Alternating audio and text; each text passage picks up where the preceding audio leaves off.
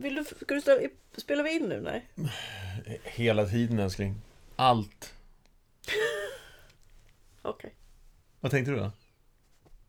Om jag ska gå in i min roll eller kan prata fritt? Du, kan, du ska prata fritt i din roll. Okej. Ja.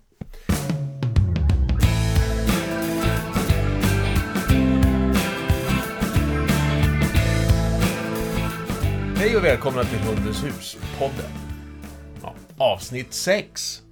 Oj, Ja, så många. så många har det blivit. Mitt namn är Jörgen Danielsson. Och bredvid mig har jag, Silla Danielsson, som är, hundpsykolog, och, terapeut och coach, och, mamma, Ja. maka till dig. ja. Ja. Ägare till Hundens hus också. Ja, just det. jag det var- tyckte att det var lite grann det jag var ute efter. Ja. Det är ju trevligt att du är maka till mig. Eh, men det var inte det främst som just den här podden skulle handla om. Den här, vad har hänt sen sist? Jag har varit i Portugal och jobbat. Eh, och eh, Så här, var det Skolan- inte så här? Var det inte så skolan här? Var det inte så här att du hade en idé om att åka till Portugal för att skriva? För det, det finns massa saker som ligger och pockar på som gärna skulle komma ner i ett litet häfte eller en liten bok. Ja. Så. Eh, slash böcker. Eh, hur gick det?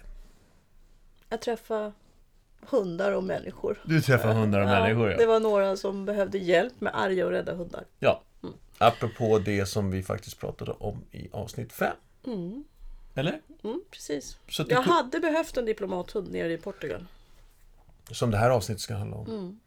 Men jag tänkte att... Eh, eh, eh, ställs det några andra krav på... Alltså hur är hundklimatet i Portugal? Varmt. Ja, jo, nej.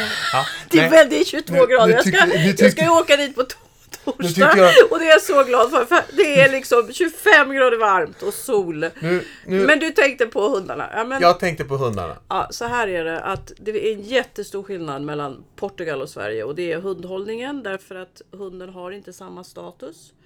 Eh, och många hundar far väldigt, väldigt illa. De slängs ut från bilar och man läm- överger dem när de blir äldre, alltså från valp till ung hund och blir besvärliga. Eller man stänger in dem eller så. Och det är många som försöker rädda de här hundarna och jobba aktivt med omplacering. Både inom Portugal men även i övriga Europa. Även Sverige. Och en stor skillnad är också att man socialiserar och miljötränar inte valparna. Eh, så att, och sen kan de ha en del trauman från eh, människohantering, alltså hur människor har hanterat dem. Så det finns ett... eh, Tilliten är inte så är, fantastisk där. Nej. Nej. så till exempel en hund jag träffade nu, hon eh, var... Ja, hon hade blivit väldigt eh, illa behandlad och var väldigt, väldigt rädd. Mm, Alltså, jag kunde knappt titta på henne. Hon kom fram till slut. Det var inte henne jag skulle jobba med utan det var en annan hund där. Men i alla fall. Ehm, så det är på ett sätt jättesorgligt och på ett annat sätt så finns det ju väldigt mycket krafter och instruktörsutbildningarna som jag och Karin håller i eh, ger ju gott resultat att vi blir fler och fler och Mm. vi har bildat en organisation. Nu ska vi säga så att det finns även andra länders eller det finns även eh, hundar som far illa här i Sverige. Så det, det är inte liksom generaliserat Portugal, men det... Man, ja, De det- är fler. De är fler. Mm. Eh, och det är kanske inte sådär jättevanligt heller med, med eh, även om det finns gott om, det finns gott om duktigt hundfolk också, som ni har ju kommit i kontakt med. Eh, men det kanske inte är så utspritt det här eh, med, med eh, valpkurser och unghundskurser och så vidare. Och så vidare. Alla fall inte där ni är, i Algarve. Nej, nej, nej inte i, i hela port, alltså Europa. Man säger ju först och främst att valparna måste vara tre månader. Eh, och Innan sen de är- får gå på kurs. Ja, innan de ska träffa andra hundar och det behöver de ju inte om de har fullgott skydd. Eh, och det finns ju vissa i Sverige som också tror det. Men har tiken varit vaccinerad och man har gett valpen vaccination så är det okej. Men i alla fall. Eh, vad var jag skulle säga? Jo, man jobbar ju också mycket, mycket mer med aversiva metoder. Alltså elhalsband, strypkoppel, trycka ner hundarna, vara någon form av alfa. Allt det här som många i Sverige har lämnat därhän. Mm. Gudskelov. Men det finns en stor utbredd okunskap Mm. i hur man kan träna hund. Och många som gör gott också. Ja. Bra! Och... eh, Ja, så, och då lämnar vi det och ger oss in... Böckerna kommer vid ett annat tillfälle. Böckerna kommer vi Ja, just det. Så var det Mm. eh, Och jag skickar, och du får åka ner, du frågar familjen, får jag åka ner till Portugal, jag tänkte ska skriva en bok. Och så tänkte man, man får något konkret därifrån. Men du bara kommer hem lite solbränd och lite god. Och det är ju konkret det också, men inte i bokform. Hör du, diplomathund. Och det kommer vi att prata om sist i avsnitt 5 apropå ehm, hundar, Reaktiva reaktiva, hundar. hundarna. Och att en diplomathund då skulle kunna vara ett, ett bra syfte eh, för att kunna jobba med sådana hundar också. För att få hitta ett gott möte. Diplomathund, eh, vem, är det du som har myntat uttrycket? Ja. Ja. Eh, Och det är en hund som hjälper valpar och unghundar i deras språkutveckling. För att alla hundar har ju en genetisk kod. Men sen har man olika dialekter. Och det är olika hur man ser ut och hur man låter och faktiskt varifrån man har bott, om man har bott i Sverige eller utomlands och sådär. Det är lite olika kulturella skillnader i språket. Så att för att förstå god hund, hundiska så behöver man träffa bra mm, hundar. Och då är diplom- och det finns många bra hundar. Men diplomathunden är ju speciellt utbildad då för att eh, kunna möta valpar och unghundar på, på ett bra sätt. Utifrån den individens behov, inte utifrån sitt eget behov. Och sen jobbar även diplomathunden terapeutiskt, rehabiliterar arga och rädda hundar. Där man då ska vända om en känsla hos hunden. Men nu är det ju inte så att, att eh, man, man ber inte bara en diplomathund gå in eh, i ett rum tillsammans med den reaktiva hunden och så säger snacka om det och så kommer jag hämta det sen. Utan det här, du, du, du uttrycker det som om att, att och det är kanske ditt, din, ditt stora eh, din stora tro som självklart stämmer överens delvis med, med, med, med vad, vad hunden faktiskt kan göra i alla sam, många sammanhang. Men det här måste ju vara en extremt viktig ekipagefråga så att säga. Alltså den som har den här diplomathunden måste ju vara, vara ledande i det här. För det där sista som du sa, att den också kunde rehabilitera, att hunden rehabiliterar den hunden. Alltså men Det är så. Men Ja, men berätta mer nu då. Ja, Be- men nu- i ja. samspel med, med mig eller den andra hundägaren. Det är ju så här att ehm, utbildningen till diplomathund den sträcker sig över minst en termin. Eh, oftast två för hundarna. Och de som går tillsammans med sin hund blir ju hundbeteendevetare eller är hundpsykologer.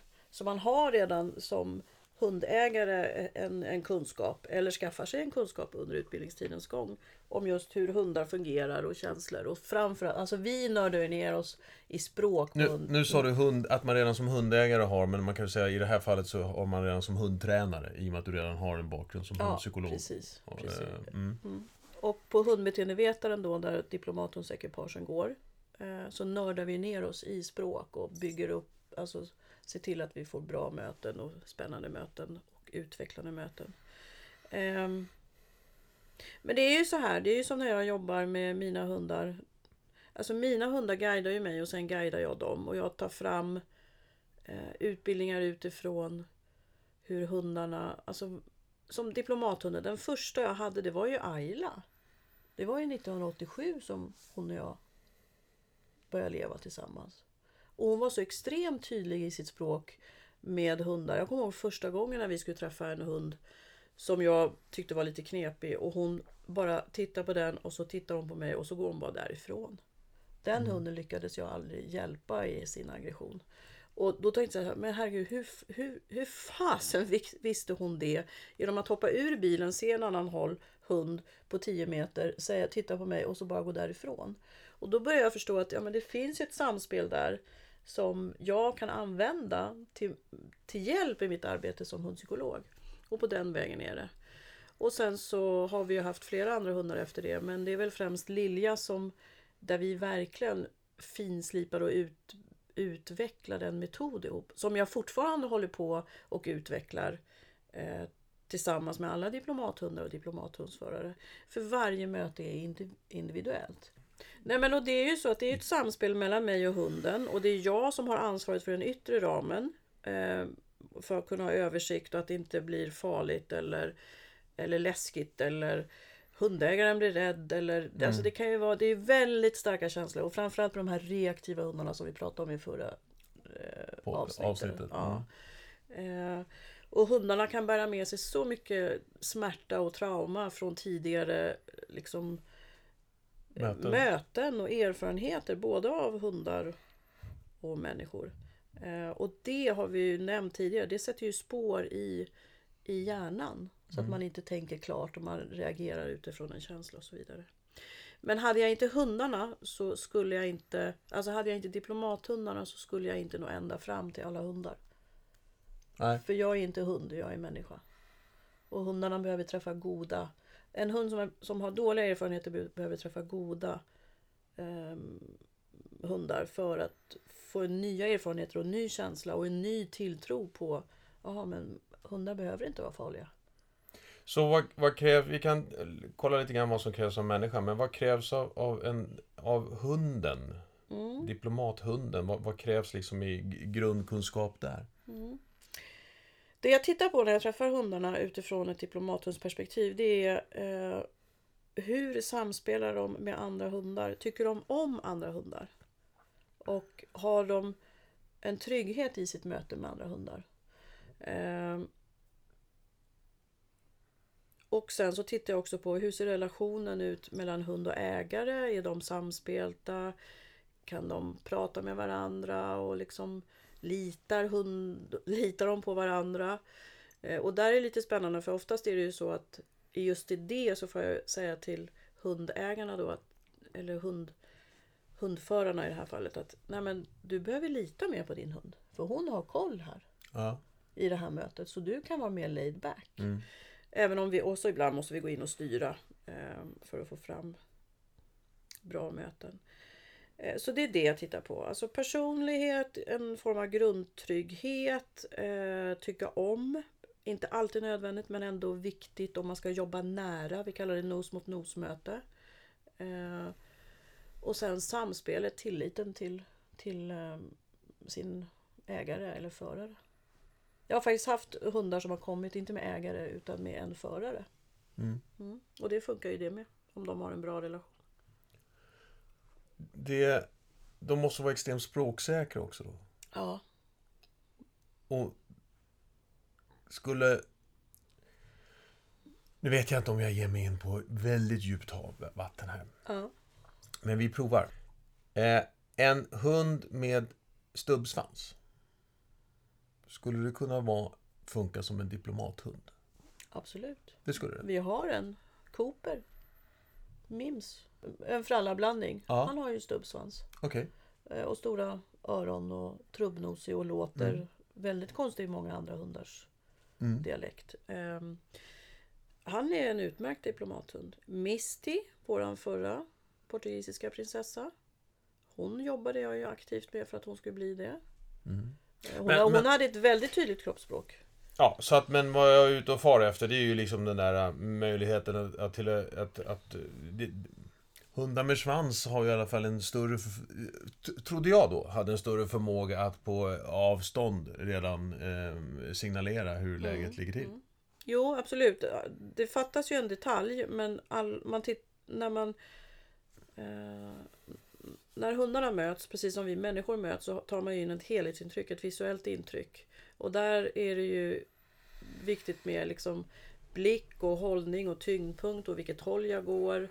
Eh, är det mycket eller lite ragg eller mycket eller lite svans? Är det mycket eller lite tänder? Hur låter det som hunden uttrycker? Är det ljust? Ja, men då pratar man i falsett, är man ofta rädd. Är man arg eller så då går man ner. Eh, så att det finns många andra komponenter som hundarna tar till. Men mm. visst, det, det, svansen är ju viktig. Absolut. Mm, mm.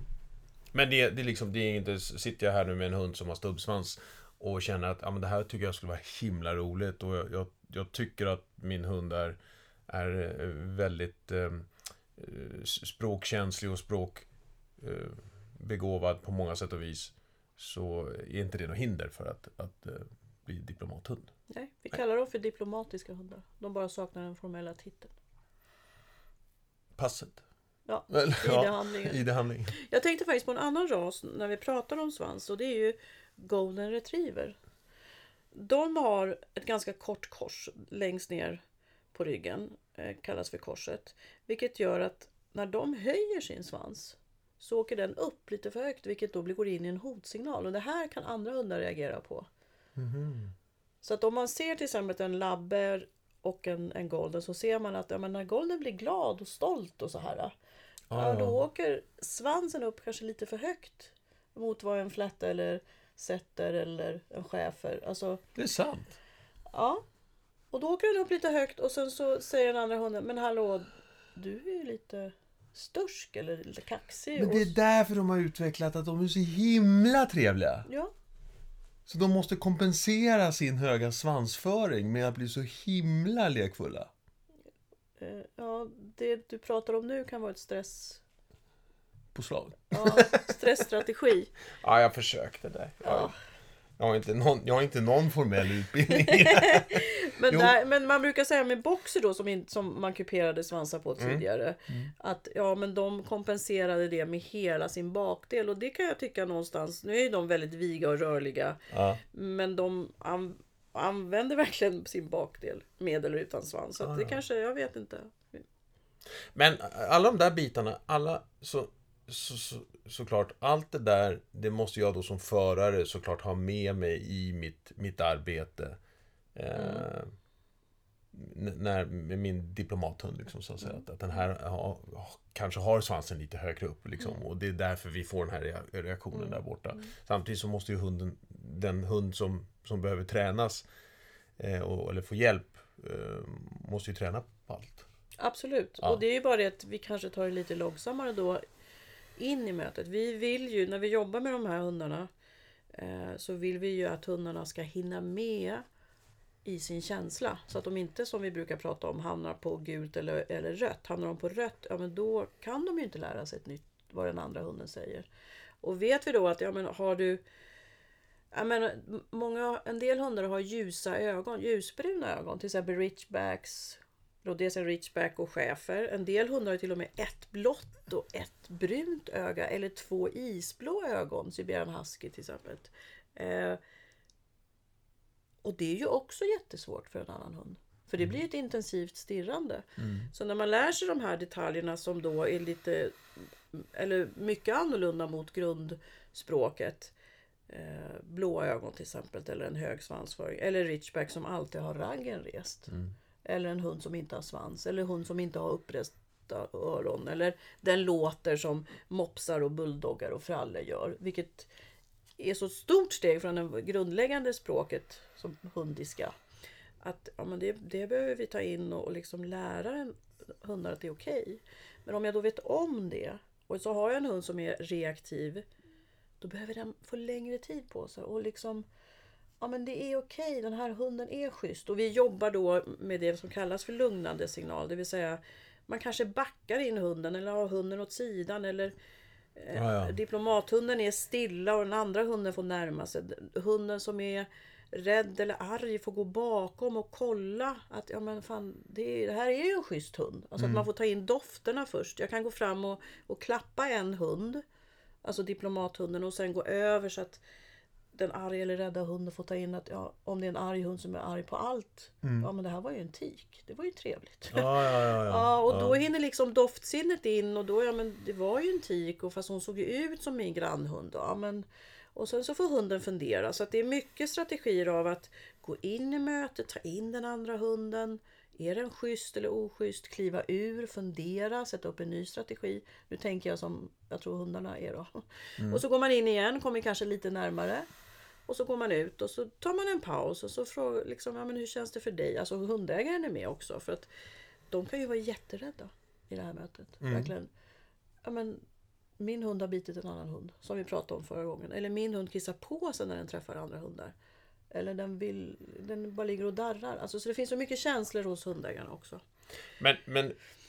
Ja, tänkte du något mer eller? Mm, nej, så det är en viktig sak som jag brukar tjata om. Det är att låt det ta tid och pausa och sen att alltid tänka ett möte är alltid ett möte och sen kommer ett nytt möte.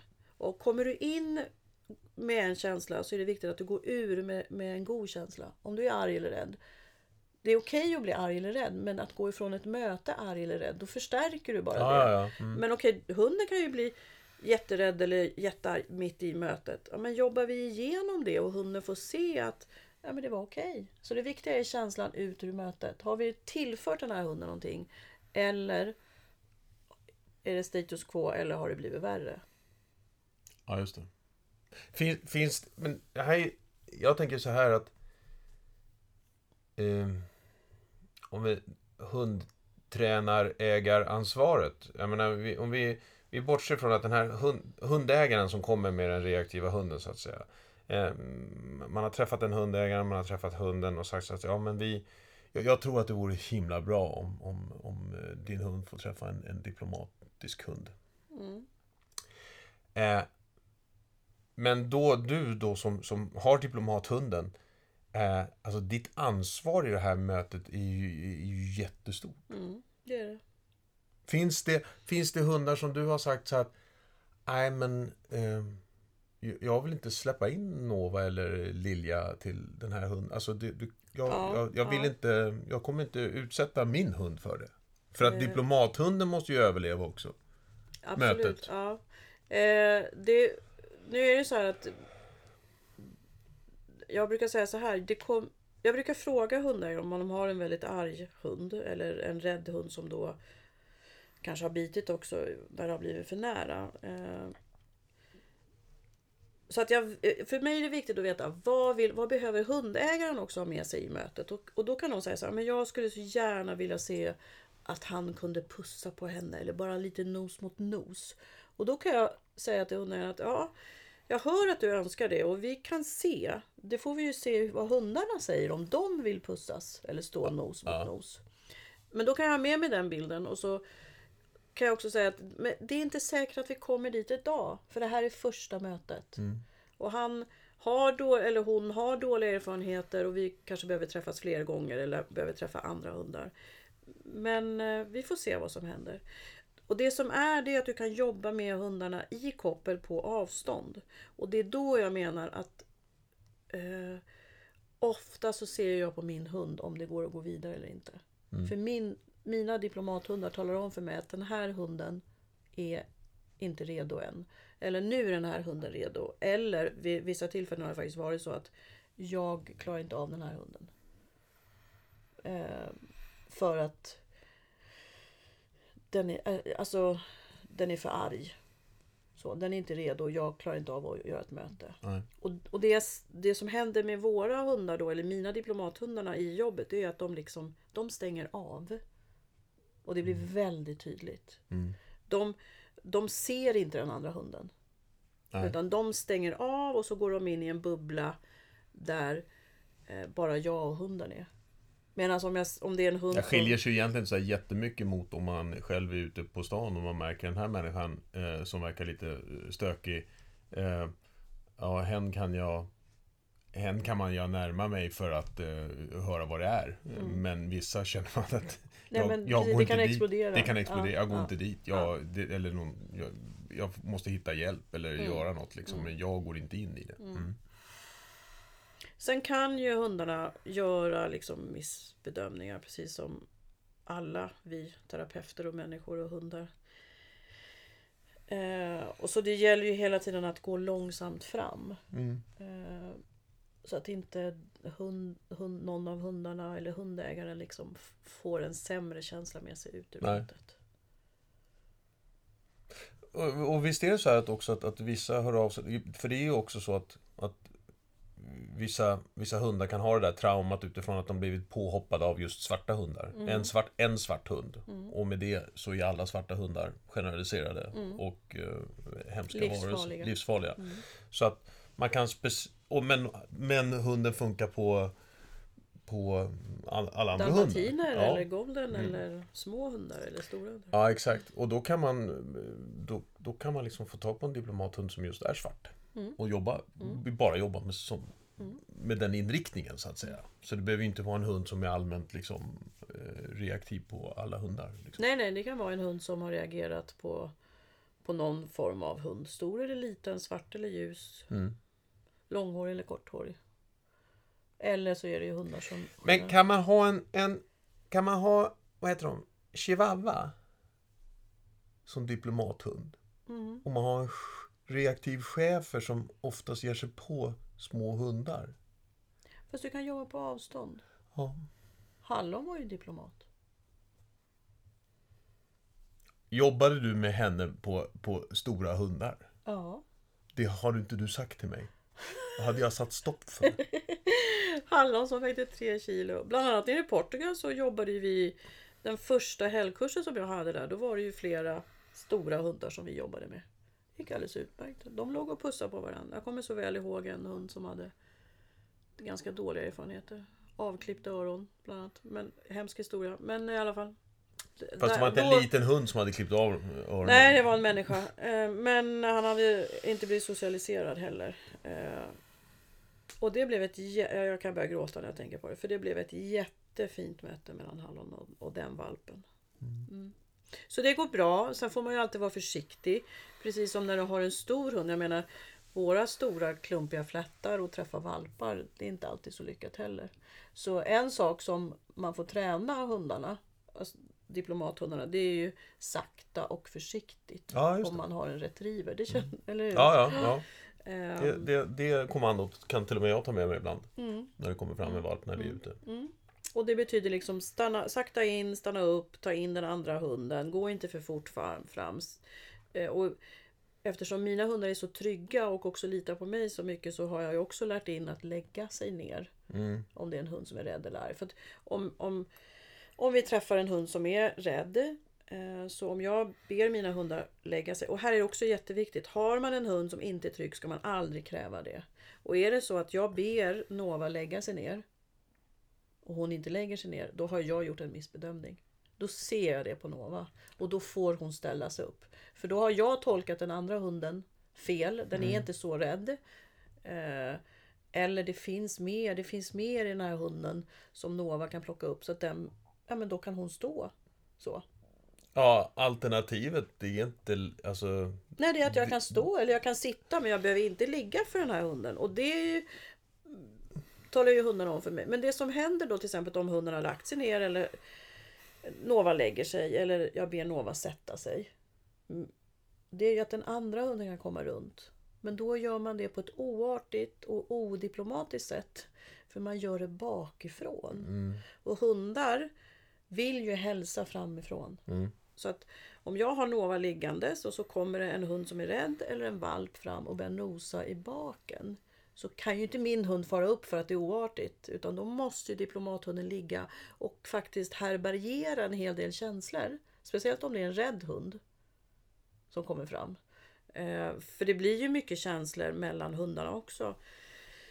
Eh, så det är väldigt viktigt att träna på den här tilliten. Att hunden litar på mig och att jag litar på min diplomathund. För det är ett extremt finlir i det här.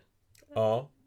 Och det är så häftigt när det lyckas. Och jag, jag måste få berätta ett tillfälle när jag hade Lilja. Hon, hon var ju så himla tydlig. Då var det just en valp, en cocker spaniel-valp. Eh, som hette Bosse. Som behövde träffa trevliga, snälla hundar. För han var lite försiktig och lite blyg. Det hade inte hänt så mycket. Men han var försiktig. Och så sitter Bosses husse. Och jag jobbar ju nära på golvet när det gäller valpar. Så vi satt på golvet där och Bosse satt. Och så kröp Lilja. Hon var lite, hon var ganska ung. Men, och så satt vi och pratade där. Och sen så, så gick Lilja fram. Och då sa jag, men jag är inte klar än. Du får vänta. Vem säger vad? Jag sa det till Lilja. Nu, du som... Ja, jag, sa, ja, men jag sa till Ja. Lilja så här, Vänta Lilja, jag är inte klar än. Du har för bråttom. Då tittade hon på mig. Sen gick hon. Sen bara reste hon sig upp och så gick hon och så la hon ryggen. La hon sig med ryggen emot mig. Och då sa jag bara så här, shit jag hade fel. Hon- de kunde visst hälsa på varandra nu. Och så fick jag liksom flirta in mig med Lilja igen och säga hallå, vad jag menar inte det, jag litar på dig och så. Och det blev så roligt. Men hon blev verkligen skitsur på mig då. För då hade hon koll på läget och störde jag hennes arbete. Och så bara Ja. så. Och det har hänt någon annan gång mer också. Så att ju mer jag jobbar med hundarna och det gäller ju även på Årstaskolan att Nej men det här barnet vill inte ha kontakt med hundarna än. Eller den här hunden vill ha kontakt nu.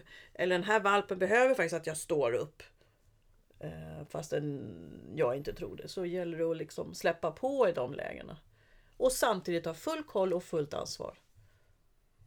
Och här, det här är ju också ett exempel på att vikten av, av gränsdragningar och ramar också för att, för att också komma framåt. Mm. För det är det det, är ju det, det handlar om. Liksom. mm. Var ligger tryggheten nu? Ja, men då, ja, den ligger där. Ja, men vi kan, då, då tar vi det steget lite till. mm. Eh, ja, kanon! Spännande! Vet du Det, vad? jag vill bara säga, det är väldigt, väldigt sällan som en vältränad diplomathund med erfarenhet har fel. Och det gäller ju med barnen också, eller äldre. Fel i, i sitt... I, sitt, eh, I sin arbetsanalys. Ja. Och min vision med diplomathundarna det är att vi ska ha utbildade diplomathundar på hemsidan så att man kan ta kontakt med någon som kanske bor i närheten. Nu har vi ju Lena uppe i Sundsvall. Eh, och vi på Hundens hus i Sundsvall. Och vi har Pia på Hundens hus i Göteborg. Och sen har vi Pia har utbildat i Göteborg. Eh, och jag, Lena har några hundar uppe i Sundsvall. Och vi är ju ganska många nu i Stockholm ja. väldigt bra hundar. Cooper som jag nämnde och en schäfertik som heter Dina. Eh, en engelsetter som heter Oscar. Härliga Tios förstås. Eh, vår underbara Golden. Vi har Nova. Men, så att- men- vi har... Mm. Åh, vi har en mops också. Just det. Och vi har en kinesisk nakenhund, Perry. Han är inte utbildad men han är extremt diplomatisk. Hör du, ehm, har, är det någon sån här utbildning på gång nu? När vi sänder det här avsnittet, det kommer komma ut här någon gång i mitten på oktober. Mm, eh, Men eh, är det på gång några eh, hundbeteende, diplomathunds... Maj 2018 älskling. Maj 2018, älsklingen. Ja. Eh, ja, så då kan man kontakta och känner man att man har behov då som sagt så finns det, kan man höra av sig till Hundens hus och sen så eh, finns det kontakter ut därifrån vilka, var det kan finnas hundar någonstans. Men det finns i alla fall uppe i Sundsvall och finns nere i Göteborg och sen så finns det ett gäng i Stockholm. Jag tänker om det är någon mer. Och det finns säkert någon merstans. Men eh, absolut de tre ställena i alla fall. Och om hunden behöver ett eller flera möten, det vet vi aldrig förrän efteråt. Och om hunden överhuvudtaget behöver ett diplomatshundsmöte, det vet vi inte heller. Jo, Jaha. hur tänkte du nu? Nej, jag undrar hur, hur vet jag att, liksom, att det är diplomat, alltså en diplomathund som min hund måste... Alltså kan jag inte Ah, gå på, alltså jag kan ju gå på såna här, eh, jag kan ju välja privatträning liksom, eller jag behöver träffa en hundpsykolog liksom så. Eh, Om, om hunden har problem med andra hundars språk eller mycket känslor kring hundmöten, då behöver man en, en eh, diplomathund. Sen kan man ha tur och ha en diplomatisk hund i sin närhet. Mm. Eh, och det är naturbegåvningar. Men det, det, man måste bara tänka sig för så att det inte blir ännu värre. Det är det jag menar. Du, Och alla hundar, alla valpar och unghundar behöver träffa diplomatiska hundar och diplomathundar. Det är därför det kan vara så bra att gå på, eh, om inte annat, att gå på, på eh, hundkurser. Men, men det har vi. Vi har ju Tios och Sofie har Puppy Teenage Talk 18 oktober och ett i december. Ah, Och Pia har valplekis nere i Göteborg. all right.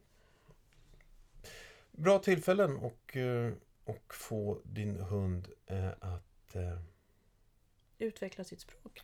utveckla sitt språk. Kanoners! Du, eh, vi har på och pratat i 35 minuter.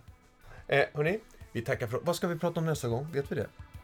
Det vet vi inte riktigt. Nej, Nej. önskemål. Önskemål kan man komma med då. Stress kanske. Skulle stress... Stress. Ja, stressstrategier. Stressstrategier. Har vi inte varit inne lite grann på stressstrategier? Jo. det har vi säkert. Men det kan man Men prata det- mer om. ja. Alltså det finns någonting man kan... Det är det. Även om vi har pratat om Du, det i trodde, 25 minuter du trodde inte att vi skulle kunna prata ett avsnitt om diplomathundar? Nej, just det. Det sa jag förra gången. ja, det tror jag ja. inte blir av. Tänkte jag, hur ska vi kunna prata om det i Och nu 30, får du inte 30 stopp minuter? på Jag får mig. inte stopp på det. Nej. Och inte mig heller. Hörni, tack ska ni ha eh, för den här gången. Eh, ha det gott. Hör av er till Hundens hus eh, om ni har frågor. Eller hur? Absolut. Jag satt och funderade på någon mailadress. Nej, vi kommer snart ha ett boknings eller mailadress. Eh, Är det info? At hundenshus.se? Nej, är det Stockholm? Stockholm.hundeshus.com Så är det. Ja. Om ni vill höra av er och veta mer så hör av er till hundenshus.com. Fint, hej då! Hej då!